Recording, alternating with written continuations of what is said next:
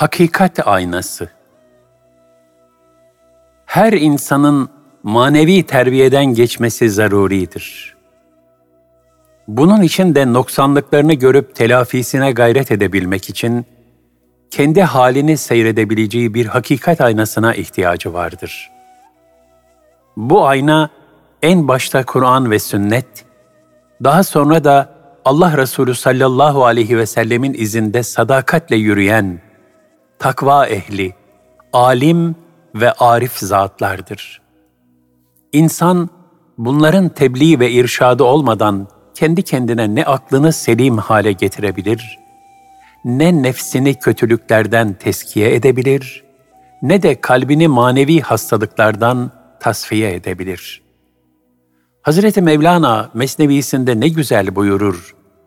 Yol bilen anlayışlı pir, nefis ve ten bağlarına ar kaçar, su akıtır da oradaki pislikleri temizler. Pis ve murdar bir su akıntısı, necaseti, pisliği temizleyebilir mi? İnsanın kendi bilgisi, kendisinde bulunan aşağı duyguları içinden süpürüp atabilir mi? Bir kimse kendi deresini nasıl temizleyebilir? İnsanın bilgisi ancak Allah'ın ilminden feyz alınca yararlı olur.'' kendi noksanını gören kişi olgunlaşmaya doğru on at çatlatarak koşar. Kendini olgun sanan zavallı ise celal sahibi Allah'a doğru cehalet ve kibrin getirdiği bu zanlı yüzünden yükselemez. Ey kendini olgun gören kişi! Senin ruhunda kendini olgun sanmaktan daha kötü bir illet olamaz.'' Bu yüzden aklın çıkmazlarından selamet bulabilmek için Kur'an ve sünnet terbiyesi altına girip ilahi ve nebevi beyanları akıl ve kalp ahengi içinde okuyabilmek icap eder. Aklın insan, kainat ve bunlardaki hakikatlere bir ayna mesabesinde olan Kur'an-ı Kerim üzerinde tefekkür ederken elde edeceği netice, tıpkı topraktan çıkarılan ham madenler gibidir.'' Bu madenleri mamül hale getirense iman muhabbetiyle dolu bir kalptir. Kalp, hissiyatın yani duyguların merkezidir. Allah'tan gayrısından tasfiye edilerek manen seviye kazanmış bir kalbin, hads, ilham ve sünuhat kelimeleriyle de ifade edilen salahiyet ve kudreti, aklın sunduğu delilleri birleştirerek tıpkı kırık bir vazonun parçalarını bir araya getirip asli şeklini ortaya çıkarmak gibi hakikatin kamil manada idrakini temin eder. Hakikaten Kur'an-ı Kerim kalbin seviyesi nispetinde derinliğine dalınabilen uçsuz bucaksız bir okyanus gibidir. Nasıl ki yüzme bilmeyen biri ancak sığ sularda kulaç atabilirken, mahir bir dalgıç denizin en derin yerlerine dalar, kıyıdakilerin göremediği acayip garayip ve değişik manzaralarla bambaşka alemler seyrederse, takva yolunda kalben merhaleler kat eden kimseler de, Kur'an'da pek çok hikmet tecellileriyle karşılaşır, ondan gerçek manada feyz alırlar. Nasıl ki derin bir kuyuya bakan insanın başı dönerse, Kur'an'ın hakikatinde derinleşen bir kalbin duyuşları da sonsuza açılır. Kulu hayret vadilerinin yolcusu kılar. Marifetullah'tan hisseler almaya sevk eder. Velhasıl hakka ve hayra ulaşmanın mükemmel bir şekilde icrası, aklın vahiy ile terbiye edilmesini ve aklın tükendiği noktada iman olgunluğuna sahip bir kalbin devreye girerek, onun eksikliğini teslimiyetle telafi etmesini gerektirir. Kalbi hayat ve onun manevi duyuşları olmaksızın, sırf akılla sonsuz hakikatler alemine geçilemez. Necip Fazıl'ın şu ifadeleri de hakikatlerin idrakinde akıl ve kalbin fonksiyonlarına işaret etmektedir. Akıl, sırtında ölçü aletleri taşıyan bir amele gibi seziş duygusunu takip eder. Duygu düşünceden önce gelir. O gelince de akıl ölçmeye başlar. Her şeyi ani olarak idrak ederiz.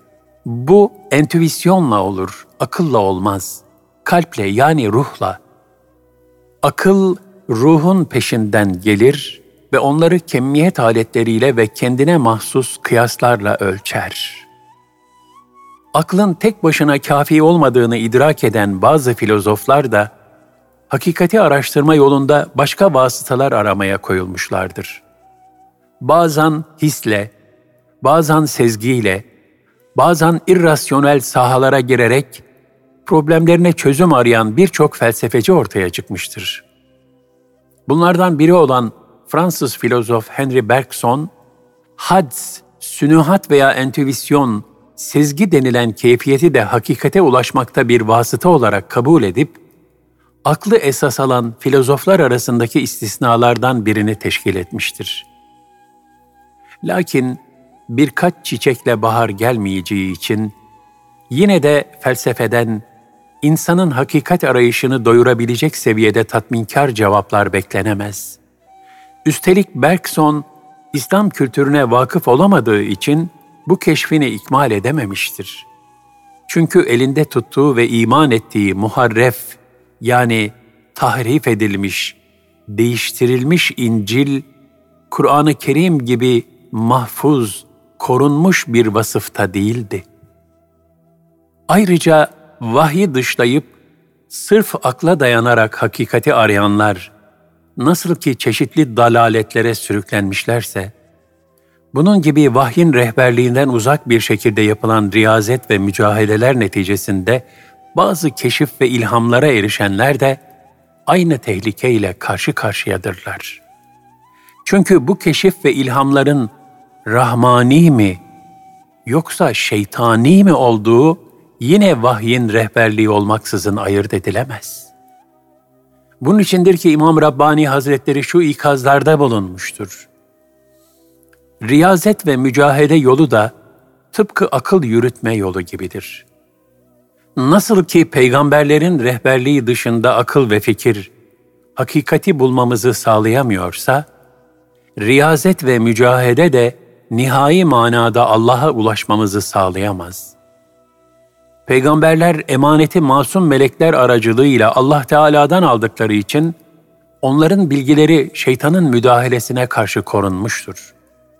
Zira Rabbimiz şeytan hakkında şüphesiz kullarım üzerinde senin bir hakimiyetin yoktur. El-Hicr 42 buyurarak peygamberlerini desteklemiştir.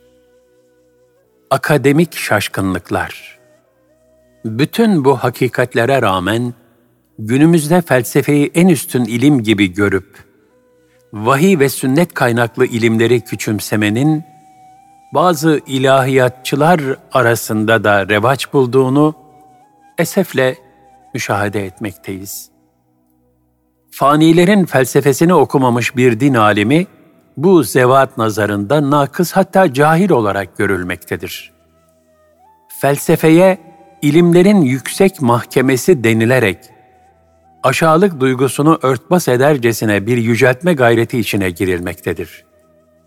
Vahyin aklın tefekkürünü dondurduğu şeklinde ya kasti ya da cahilane fakat tamamen içi boş itham ve iftiralar ortaya atılmaktadır. Beşeri makamı ve ilmi sıfatı ne olursa olsun, bu nevi gaflet ve cehalet erbabına Hazreti Mevlana asırlar öncesinden şöyle seslenmektedir. Eğer burnun koku almıyorsa, bari güle kabahat bulma. Yani Kur'an'ın sonsuz hikmet ve hakikatlerle dolu tefekkür iklimine giremiyorsan, bari ona suç isnat etme gafletine düşme, hatayı kendinde ara demektedir. Fakat şu bir hakikattir ki, cehaletinin farkında olanı yola getirmek kolaydır. Zor olansa kendini alim zanneden, ben bilirim havasındaki cahilleri yola getirmektir.'' Nitekim Bediüzzaman Hazretlerinin şu tespitleri adeta bu hakikatin bir ifadesidir. Eski zamanda dalalet cehaletten geliyordu. Bunun yok edilmesi kolaydır. Bu zamanda ise dalalet, yani Kur'an, İslam ve imana taarruz, fen, felsefe ve ilimden geliyor. Bunun izalesi müşkildir. Eski zamanda ikinci kısım binde bir bulunuyordu. Bulunanlardan da ancak binde biri irşatla yola gelebilirdi. Çünkü öyle kimseler hem bilmiyorlar hem de kendilerini bilir zannediyorlar. Nitekim Cenab-ı Hak ilmin gururuyla zehirlenip bilgi bakımından değilse de huy ve ahlak bakımından cehalete sürüklenmiş kimselerin halini İsrailoğullarının alimlerini misal vererek ciltlerce kitap taşıyan merkebin durumuna benzetmektedir.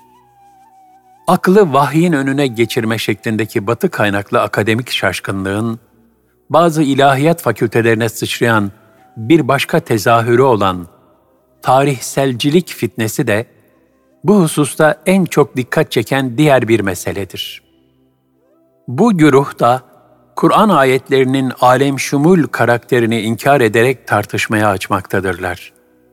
Bazı ayetlerde bildirilen ilahi hükümlerin nazil olduğu zamana mahsus ve netice itibariyle mahalli olduğu, yani sadece Arap kavmine ve asr-ı saadet Müslümanlarına münhasır bulunduğu iddiasıyla dehşetli bir itikadi karışıklığa yol açmaktadırlar.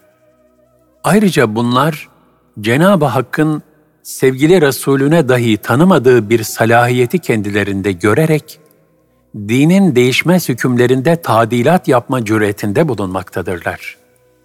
Evet, İslam asırların değişen şartları karşısında, evet, İslam asırların değişen şartları karşısında insanlığın ihtiyaçlarına cevap vermek için Kur'an ve sünnet muhtevası içindeki akli ve fer'i delillerle içtihatta bulunma salahiyeti tanımıştır. Fakat bu salahiyet, müçtehit derecesinde alim kimselere mahsustur. Ayrıca kat'i nassın bulunduğu hususlarda içtihada yer yoktur. Mesela miras hukukunda kat'i bir nas bulunduğu için o hususta içtihat yapılamaz. Fakat tarihselcilere göre bütün bu hususlar da tartışmalıdır. Onların bu cahilane cesareti, vaktiyle Tevrat ve İncil üzerinde Yahudi ve Hristiyanların yaptıkları tahrifatı hatırlatmaktadır. İslam'ın emir ve nehileri, insan tabiatının hiç değişmeyip, hep aynı kalan hususiyetlerine göre belirlenmiştir. Bu hükümler asr-ı saadetten kıyamete kadar bütün zamanların ve insanoğlunun ulaşabileceği bütün mekanların icap ve ihtiyaçlarına cevap verebilecek mükemmelliktedir. Bu sebepledir ki Kur'an'ın hükümleri asla eskimez, ehemmiyetini kaybetmez. Beşeri ihtiyaçları en güzel şekilde karşılama hususundaki mükemmelliyetini daima muhafaza eder. Dolayısıyla Kur'ani hükümlerin bir kısmının tarihsel, yani belli bir zaman ve mekana ait olduğunu söylemek, ucu küfre varan bir dalalet ifadesidir. Zira Cenab-ı Hak, zaman içerisinde toplumların yapısı değiştiğinde daima peygamberler göndererek imani ve itikadi hükümler hep aynı kalmakla birlikte zamanın ihtiyaçlarına göre yeni ameli ve tatbiki kanunlar vaz etmiştir. Resulullah sallallahu aleyhi ve sellem Efendimiz ise ahir zaman peygamberidir. Kendisinden sonra artık bir peygamber gelmeyecektir. Dolayısıyla onun getirdiği hükümler kıyamete kadar gelecek bütün insanlığın ihtiyaçlarına cevap verebilecek mahiyettedir. Bunun aksini düşünmek, insanoğlunu yaratan, dolayısıyla onu kendilerinden çok daha iyi tanıyan ve sonsuz ilmiyle olmuş ve olacak her şeyi bilen Cenab-ı Hakk'a acziyet izafe etmek gibi dehşetli bir sapıklıktır. İblisin kendisini halk eden Cenab-ı Hak'la cidale girmesi gibi bir ahmaklıktır. Bu bakımdan Cenab-ı Hakk'ın verdiği akılla yine Cenab-ı Hakk'ın hükümlerini tartışmaya kalkışmak kadar abes bir durum olamaz. Böyle bir ahmaklığa düşenlere şu ayeti kerimeleri hatırlatmak gerekir. De ki, siz dininizi Allah'a mı öğretiyorsunuz? Oysa Allah göklerde olanları da bilir, yerde olanları da. Allah her şeyi hakkıyla bilendir. El-Hucurat 16 Yoksa siz kitabın bir kısmına inanıp bir kısmını inkar mı ediyorsunuz? Sizden öyle davrananların cezası dünya hayatında ancak rüsvaylık, kıyamet gününde ise en şiddetli azaba itilmektir. Allah sizin yapmakta olduklarınızdan asla gafil değildir. El-Bakara 85 Resulullah sallallahu aleyhi ve sellem Efendimiz de şöyle buyurmuştur. Kur'an-ı Kerim öyle bir kelam-ı ilahidir ki, o vuku bulacak her türlü fitneye karşı insanı selamete erdirir. Onda sizden öncekilerin haberleri, sizden sonrakilerin durumları, insanlar arasında meydana gelecek hadiselerin hükümleri vardır. O hakla batılı birbirinden ayırt eder. Mala yani lüzumsuz hükümler değildir. Kendisini terk eden azgını Cenab-ı Hak helak eder. Onun dışında hidayet arayanı Allah dalalete düşürür.'' Şüphesiz ki günümüzde dini sahada ortaya çıkan bütün bu fitneler, medyanın ne büyük bir cehaletle dolduğunun apaçık bir göstergesidir. Bu fitnelerin akıl hocaları, Kur'an-ı Kerim üzerinde layıkıyla tefekkür etmemiş, açıp da bir tefsir ve hadis külliyatını anlayarak okumamış, sağlam bir dini altyapısı olmadan üstün körü ve yarım bir okumayla ilmi kariyer elde etmiş, allame görünüşlü bedbaht kimselerdir. İddia ettikleri fikirlerse batıl düşüncelere karşı duydukları nefsani hayranlığın talihsiz ifadeleridir. Zira Kur'an-ı Kerim ve hadis-i şerifler üzerinde layıkıyla tefekkür edebilselerdi, durumun hiç de zannettikleri gibi olmadığını görürlerdi.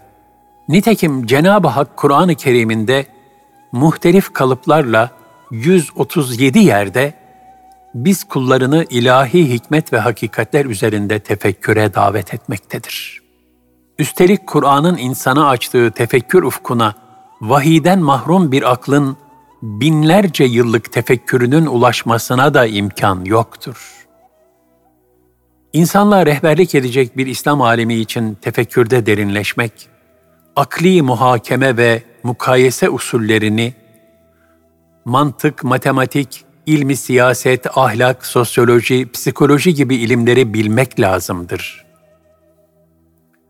Yeryüzündeki fikri ve felsefi akımların mahiyetini öğrenip, lüzumu halinde bunların meydan okumalarına karşı İslam'ın cevaplarını verebilecek seviyede kendini yetiştirmek, her İslam aliminin vazifesidir. Kur'an ve sünnetin tefekkürüyle köklenmiş bir imana, böyle Kur'an ve sünnetin tefekkürüyle köklenmiş bir imana böyle batıl fikirleri öğrenip onlarla mücadele etmekten bir zarar gelmez. Bilakis hakikati idrak etmiş bir Müslüman, İslam dışındaki dünya görüşlerinin zaaflarını gördükçe İslam'ın kıymet ve ihtişamını daha iyi idrak eder. Bu ise imanının daha da kuvvetlenmesine vesile olur.'' Zira hakikat zıtlıkta daha net anlaşılır. Necip Fazıl der ki, en güzel iman, Muhyiddin İbni Arabi'nin dediği gibi, küfrün menşeini, kaynağını görerek vücuda gelendir. Küfrün kaynağını tanımak, her kamil mümine borç. Demek ki ben komünist düşmanıyım demekle bitmiyor iş. Anlamak lazım.'' Mahir bir dalgıç, derin sularda korkusuzca yüzerek muhteşem manzaralar seyredebilir. Seviyeli bir müminin pergelin sabit ayağı şeriatte olduğu müddetçe, diğer ayağıyla 72 milletin kültürünü dolaşmasında hiçbir mahzur yoktur. Mahzurlu olan yüzme bilmeyenin derin sulara dalmasıdır. Yani Kur'an ve sünnet kültürünü layıkıyla hazmedememiş birinin güçlü diyalektik teknikleriyle, mantık oyunlarıyla süslenmiş batıl fikirlere muhatap olduğunda onları hakikat zannetmesi ve en azından batıla hayranlık duymasıdır. Bu hususta İmam Gazali Hazretleri şu ikazda bulunur. Aklı başında kimse önce gerçeği tanır. Sonra sözün kendisine bakar. Eğer söz doğru ise onu kabul eder. Sözü söyleyen hak taraftarıdır veya batıl yanlısıdır diye ayrım yapmaz. Dahası sapıkların sözleri arasına karışmış olan hak sözü, batıl sözlerin arasından ayıklayıp çıkarmayı daha çok ister. Çünkü altın madeninin toprakla karışık olduğunu bilir. Ayırt etme kabiliyetine güvenen bir sarrafın elini kalpazanın torbasına daldırarak halis altını kalp paradan ayırt etmesinin hiçbir zararı yoktur. Kalpazanla alışveriş yapmaktan tecrübeli sarraf değil, cahil halk zarar görür. Yemin ederim ki insanların çoğu hakla batılı, hidayetle sapıklığı birbirinden ayırt etme konusunda kendilerini yeterince akıllı, usta ve uzman zannederler. Bu ifadelerden de anlaşılacağı üzere felsefe ile iştigalin en büyük mahzurlarından biri, felsefi görüşlerin doğrularıyla karışmış halde bulunan yanlışlarının farkına varamayıp, onları da doğru zannederek itikadi hatalara sürüklenmektir. Nitekim zamanımızda müsteşrikler de İslam hakkında değerlendirmelerde bulunurken batıl fikirlerini yayabilmek için bir yanlışı on doğruyla ambalajlayarak takdim etmektedirler. Bu taktik sayesinde İslami bilgisi zayıf veya takva derinliğinden mahrum kimselerin akideleriyle oynamaktadırlar. Gerek müsteşriklerden, gerekse felsefe kanadından gelen bu batıl fikirlerin az ve cüz'i olması da asla mazur görülmelerini sağlayamaz. Zira bunların itikada taalluk eden bir ilahi hüküm hakkında şüphe veya tereddüde sebep olması, kişiye zarar olarak yeter de artar bile. Çünkü iman tecezzi kabul etmez. Yani cüzlere, parçalara bölünemez. O bir bütün olarak geçerlidir. Kur'an'ın tamamını inkar etmekle bir hükmünü inkar etmek arasında kişiyi düşüreceği akıbet bakımından bir fark yoktur. Her iki durumda kişiyi imanından eder. Bu tehlike sebebiyle hakla batılı dirayetli bir surette birbirinden ayırt edebilecek derecede ehil alimler dışındaki Müslümanların batıl fikirlerle iştigali zararlı görülmüştür. Buna mukabil Kur'an ve sünnet kültürünü layıkıyla hazmederek, İslam düşmanlarına karşı onu dava edinecek olan alim seviyesindeki münevver ve mütefekkir Müslümanların, felsefe kanadından da gelebilecek batıl fikir ve iddialara karşı halkı idlalden korumak için bu ilimle de iştigal etmeleri yadırganamaz. Bilakis bu onlar için bir vecibedir. Hatta meydanın ateist ve materyalist felsefecilerin tekeline terk edilmemesi için felsefe sahasında da söz sahibi İslam alimlerinin yetiştirilmesi gereklidir.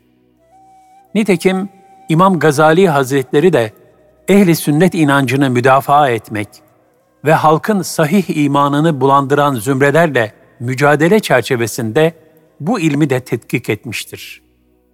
Hatta İmam Gazali felsefecilerden gelebilecek insan bilmediğinin düşmanıdır suçlamasına da mani olmak için felsefeyi derinlemesine araştırmış. Onun bütün esaslarını öğrenmiştir. Öyle ki Makasidül Felasife adlı bir eser kaleme alarak o dönemdeki bütün felsefi meseleleri açık bir şekilde dile getirdikten sonra Tehafütül Felasife adlı bir eser daha yazarak bunları tenkit etmiştir. Bilhassa Aristo ve takipçilerinin üçü küfrü mucib olan 20 meselede ehli sünnet inancıyla ayrı düştüklerini izah etmiştir. Felsefeyle iştigalde mahzurlu olan diğer bir husus da batıya körü körüne hayranlığın getirdiği bir hastalık olan İslam tefekkürünü felsefi bir zemine oturtmaya çalışmaktır. Kasten veya cahilce bir taklit hırsıyla aklı esas alıp nakli tahfif etmek yani geri plana atmaktır. Halbuki İslam'ın ne beşeri sistemlerle, ne zamane akımlarıyla, ne de kendinden başka dinlerle bir senteze ihtiyacı yoktur. Buna ihtiyaç görmek, İslam'ın ihtişamını layıkıyla tanımamaktır. Zira İslam, yeryüzündeki yegane hak dindir ve en mükemmel dünya görüşüne sahiptir. Layıkıyla tatbik edildiği devirlerde ve toplumlarda daima huzur kaynağı olmuştur. Her bakımdan asil ve kusursuz bir bülbülün bet sesli bir kargayı emsal alarak şakıyabildiğini ve o olmadan bu özellik ve güzelliğini koruyamayacağını iddia etmek sadece tuhaf bir cehaletle kırdısıdır. Rotterdam İslam Üniversitesi rektörü Profesör Doktor Ahmet Akgündüz, Yeni Dünya Düzeni Arayışları ve İslam Medeniyeti adlı bir yazısında bugün insanlığı huzura kavuşturacak yegane dünya görüşünün İslam olduğu gerçeğine dair şu dikkat çekici tespitlerde bulunmaktadır. Başta komünizm ve kapitalizm olmak üzere bunların gayri meşru nesli de dahil bütün izimlerin iflas ettiği ve bizzat teorisyenlerince iflaslarının ilan edildiği günümüzde beşeriyetin saadetini temin edecek medeniyet nizamı olarak İslamiyet'ten başka ciddi bir alternatif bulunmamaktadır. Bu dediğimizin müşahhas bir misali, Roma'da papazların yaptığı gizli bir toplantıda alınan kararlardır. Bu gizli toplantıda komünizm belasından en çok etkilenen Batı Avrupa ülkesi olan İtalya'da komünizmden dönen gençliğin geri dönüp muharref Hristiyanlığın esaslarına inanmadığını ve belki beşeriyetin fıtri dini olan hak dini aradıklarını, bu samimi arayış karşısında yüzde altmışının İslam'ı bulduğunu papazlar itiraf etmişlerdir. Eğer biz Müslümanlar doğru İslamiyeti ve İslamiyete layık doğruluğu yaşayışımızla ve sözlerimizle güzelce anlatabilirsek, bu hidayet nispetinin daha da yükseleceğini hemen ifade edelim. İşte bundan korkan batılılar, İslam'a yönelişi kendi akıllarınca durdurmak için İslam'ı kendi nesillerine yanlış olarak takdim etme gayreti içindedirler. Hemen belirtelim ki, dinsiz millet yaşayamaz ve başta Rusya olmak üzere komünizm rüzgarına tutulmuş ve akideleri sarsılmış olan Hristiyan cemiyetleri geri dönüp Hristiyan da olamazlar. Varacakları yer, biz vazifemizi yaptığımız takdirde İslamiyettir. Batı insanının İslam'a karşı asırlardır süre gelen menfi şartlanmalar sebebiyle ağır bir taassup sisi altında bulunduğunu, dolayısıyla İslam güneşinin nurundan layıkıyla istifade edemedikleri için ellerindeki cılız mum ışığıyla aydınlanmaya çalıştıklarını daha önce de ifade etmiştik. Yeri gelmişken şunu da ekleyelim ki, Batı'da İslam'a yönelişin önünü kesmek için asırlar boyunca yapılan İslam'ın bir aşiret dini, Müslümanların da vahşi ve barbar insanlar oldukları tarzındaki karalama faaliyetleri, bugün yerini İslam'ın terör ve savaş dini olduğu şeklinde bir başka yalan ve iftira kampanyasına bırakmıştır. Bu iddialarına da savaş, anarşi, fakirlik ve geri kalmışlığın pençesinde kıvranan Müslüman ülkelerin içler acısı manzarasını delil olarak göstermektedirler. Halbuki bu manzaraların oluşmasında kendi sömürgeci planlarını gerçekleştirmek için ektikleri fitne tohumlarının büyük bir rolü bulunduğunu, geniş halk kitlelerinden gizlemektedirler. Fakat iletişim çağında bu gerçekler eskisi kadar saklanamadığından hakikati görenlerin sayısı her geçen gün daha da artmaktadır. Menfi şartlanmalardan uzak bir şekilde ve insaf nazarıyla İslam'ın muhtevasına bakabilen aklı başında bir insanın, onun iddia ettiği gibi terör ve vahşet dini olduğunu kabul etmesine imkan ve ihtimal yoktur. Zira alemlere rahmet olarak gönderilmiş olan Peygamber Efendimiz sallallahu aleyhi ve sellemin 23 senelik nebevi hayatı bir bakıma terörle mücadele mahiyetindedir. İnsana, hayvana ve tabiata karşı işlenen bütün vahşetleri bertaraf edebilme gayretinden ibarettir. Kainatın iftihar vesilesi olan o son peygamber sallallahu aleyhi ve sellem bütün insanlığa hak, hukuk ve adalet tevzi etmiştir. Nitekim 1789 Fransız ihtilalinin fikri temellerini hazırlayanlardan biri olan filozof Lafayette, meşhur insan hakları beyannamesi yayınlanmadan önce bütün hukuk sistemlerini incelemiş ve İslam hukukunun üstünlüğünü görünce, ''Ey Muhammed, senin adaleti gerçekleştirmek hususunda ulaştığın seviyeyi bir daha hiç kimse gösteremedi demekten kendini alamamıştır.'' hakikaten insanlık ve fazilet güneşinin battığı ve bütün dünyayı inançsızlık ve ahlaksızlık karanlığının sardığı cahiliye devri, onun teşrifiyle hakikat ve saadet fecrine kavuşmuştur. Kız çocuklarının diri diri toprağa gömüldüğü, kardeş kabilelerin birbirini boğazladığı, korkunç bir kan gölü halindeki bedevilik çölleri, o rahmet peygamberinin tebliğ ve irşadıyla nurlu medeniyet bahçelerine dönüşmüştür. Düşmanlıklar, kavgalar ve kan davalarıyla dolu zulüm bataklıkları kurumuş, din kardeşliğinin huzur ve muhabbet iklimine girilmiştir. İnsanlığın hala gıpta ile seyrettiği eşsiz bir faziletler medeniyeti inşa edilmiştir. İşte İslam öyle bir hidayet nurudur ki, kendisine layıkıyla tabi olan toplulukları bütün zaman ve mekanlarda insanlık, fazilet ve medeniyette zirvelere yükseltir.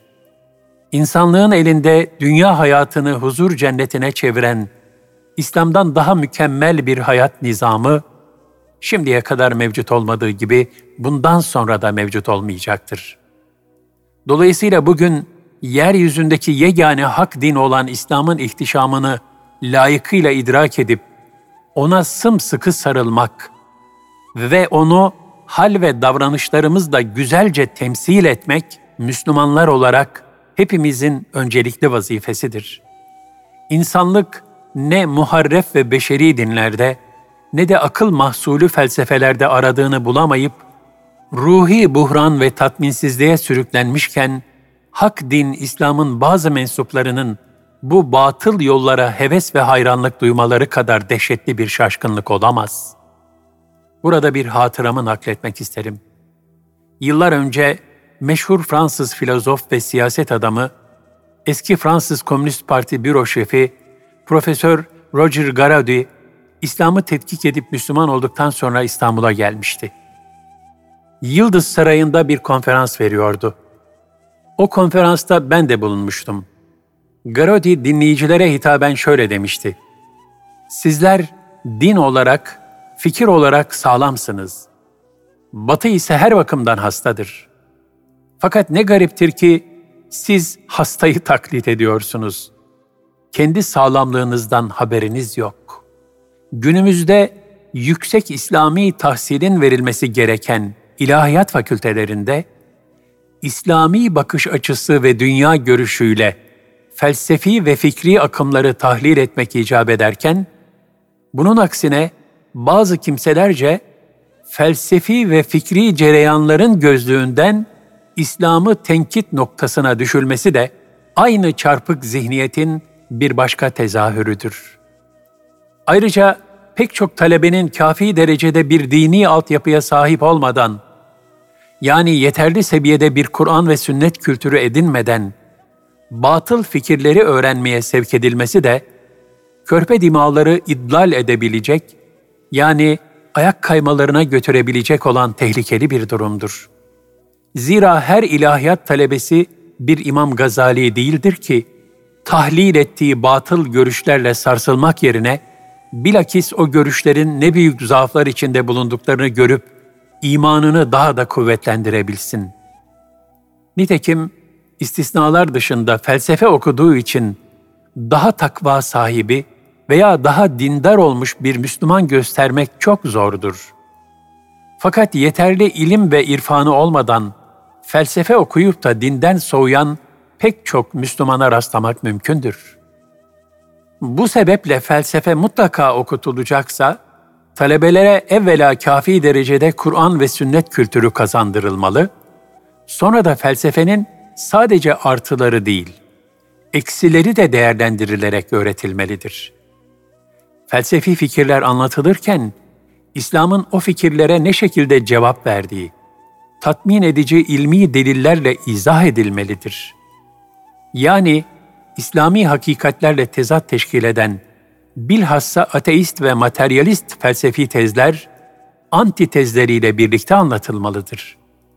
Bu şekilde İslam'ın insanoğlunun felsefi problemlerine de tatminkar cevaplar verebilecek yegane dünya görüşü olduğu izah edilmelidir. İslam tarihinde Nizamiye, İznik ve Fatih medreselerinde yetiştirilmek istenen insan tipi, topluma her alanda rehberlik yapabilecek derecede geniş bir ilmi donanıma sahip olan alim kimselerdi.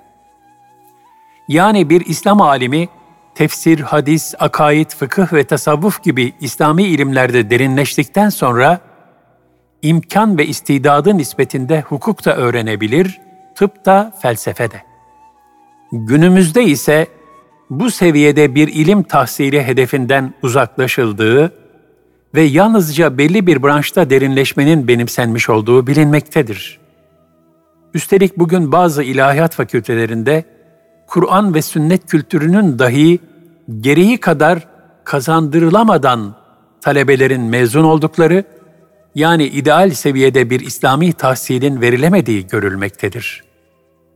Mesela Kur'an ve sünnetin canlı bir tefsiri olan siyer dersinin ilahiyat müfredatında ne kadar az yer bulabildiği malumdur. Üstelik o da ekseriyetle kronolojik bilgiler manzumesinden öteye geçmemektedir. Halbuki Siyer-i Nebi, Peygamber Efendimiz sallallahu aleyhi ve sellemin suretiyle beraber siretini de okuyup tahlil edebilecek keyfiyette derinlemesine öğrenilmesi gereken bir derstir.''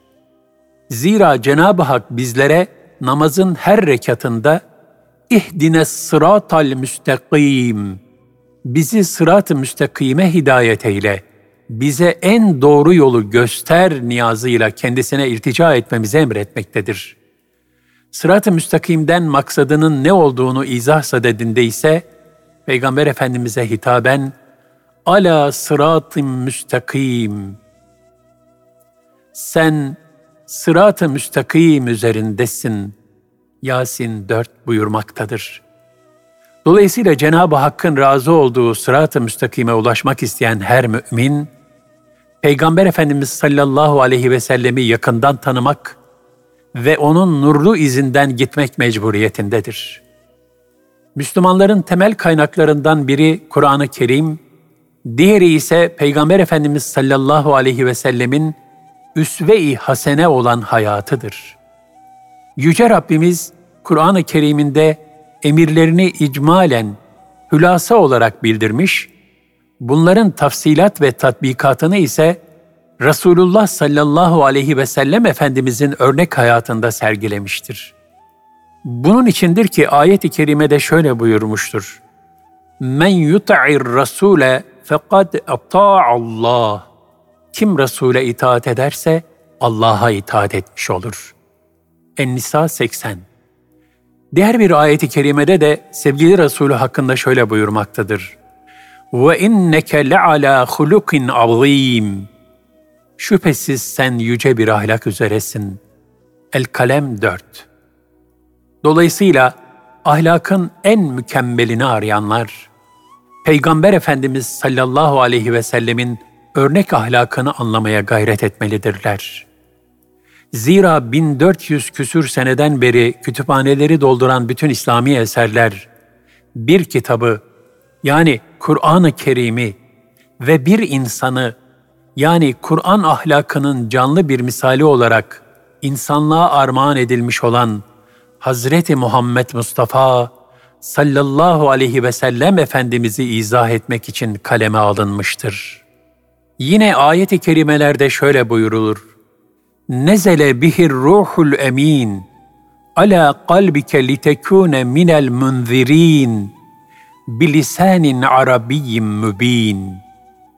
Resulüm onu, Kur'an'ı ruhul emin yani Cebrail ikaz ve irşad edenlerden olasın diye apaçık bir Arap diliyle senin kalbine indirmiştir. Eş-Şuara 193-195 Dolayısıyla Kur'an'ı layıkıyla idrak etmek isteyen bir mümin de, Efendimiz sallallahu aleyhi ve sellemin gönül iklimine aşina olmak durumundadır. Zira Peygamber Efendimizin 23 senelik nebevi hayatı, Kur'an'ın tefsiri mahiyetindedir. Kur'an'ın sır ve hikmetleri de ancak Resulullah sallallahu aleyhi ve sellem Efendimizin kalbi dokusundan hisse almakla anlaşılır. Bu itibarla onu anlamak, Hakk'a kullukta en mühim basamaktır. Onu anlamadan, onu tanımadan, onun izinden gitmeden ve onun gönül hassasiyetlerinden nasip almadan ne imanımız tam bir iman olur, ne Kur'an'ı tam olarak idrak edebiliriz, ne de kulluğumuz tam bir kulluk olur. Peygamber Efendimiz sallallahu aleyhi ve sellemin hayatı layıkıyla bilinmedikçe, İslami ilimlerden hiçbiri, ne tefsir, ne hadis, ne fıkıh ne de ahlak layıkıyla anlaşılamaz. Bu bakımdan İslam'ı doğru anlayabilmek için ağırlık verilmesi gereken en mühim derslerin başında Siyer-i Nebi gelir. Ayrıca Cenab-ı Hak Kur'an-ı Kerim'inde peygamberlerinin farik vasıflarını sık sık misal vermektedir. Peygamberlerin toplumda karşılaştıkları problemlere getirdikleri çözümleri bize haber vererek bunları layıkıyla tahlil ve tefekkür edip örnek almamızı istemektedir. Bu bakımdan günümüz ilahiyat fakültelerinde dinler tarihi dersinin yanında Nebiler silsilesine dair bir ders de zaruridir. İlahiyat talebesi evvela bu temel bilgilerle mücehhez olmalıdır ki, daha sonra diğer sahalara ait ilimlerden de imkan ve istidadı nispetinde istifadeye gayret edebilsin. Bunun için İslami ilimleri tahsil edecek olanlar, evvela Kur'an ve sünnetin açtığı tefekkür ufkunda imanın temellerini iyice kuvvetlendirmelidirler. Kur'an tefekküründen uzak kalıp da iman kalplerde kafi derecede köklenmediği takdirde cılızlaşır, bir fırtına ile savrulur gider. Bugün akıl ve mantık prensipleriyle süslenmiş batıl fikirlerle karşılaşan insanları ayak kaymalarına götüren en mühim problemlerden biri de budur. Cenab-ı Hak cümlemize Kur'an ve sünnetin kıymetini layıkıyla idrak edip aklımızı ve kalbimizi bu iki menbaın tefekküründe derinleştirebilmeyi ve ilahi hikmetlerden hisseler alabilmeyi nasip ve müyesser eylesin. Kur'an, kainat ve insanda sergilenen ilahi kudret ve azamet tecellilerinden ürperen, rakik ve uyanık bir gönül iklimini hepimize ihsan eylesin. Yaratan Rabbinin adıyla oku emri celilinden hisse alarak, gördüğü her eserden müessire, sanattan sanatkara vasıl olabilen bir aklı selim ve kalbi selim lütfeylesin. Amin. Amin. Amin.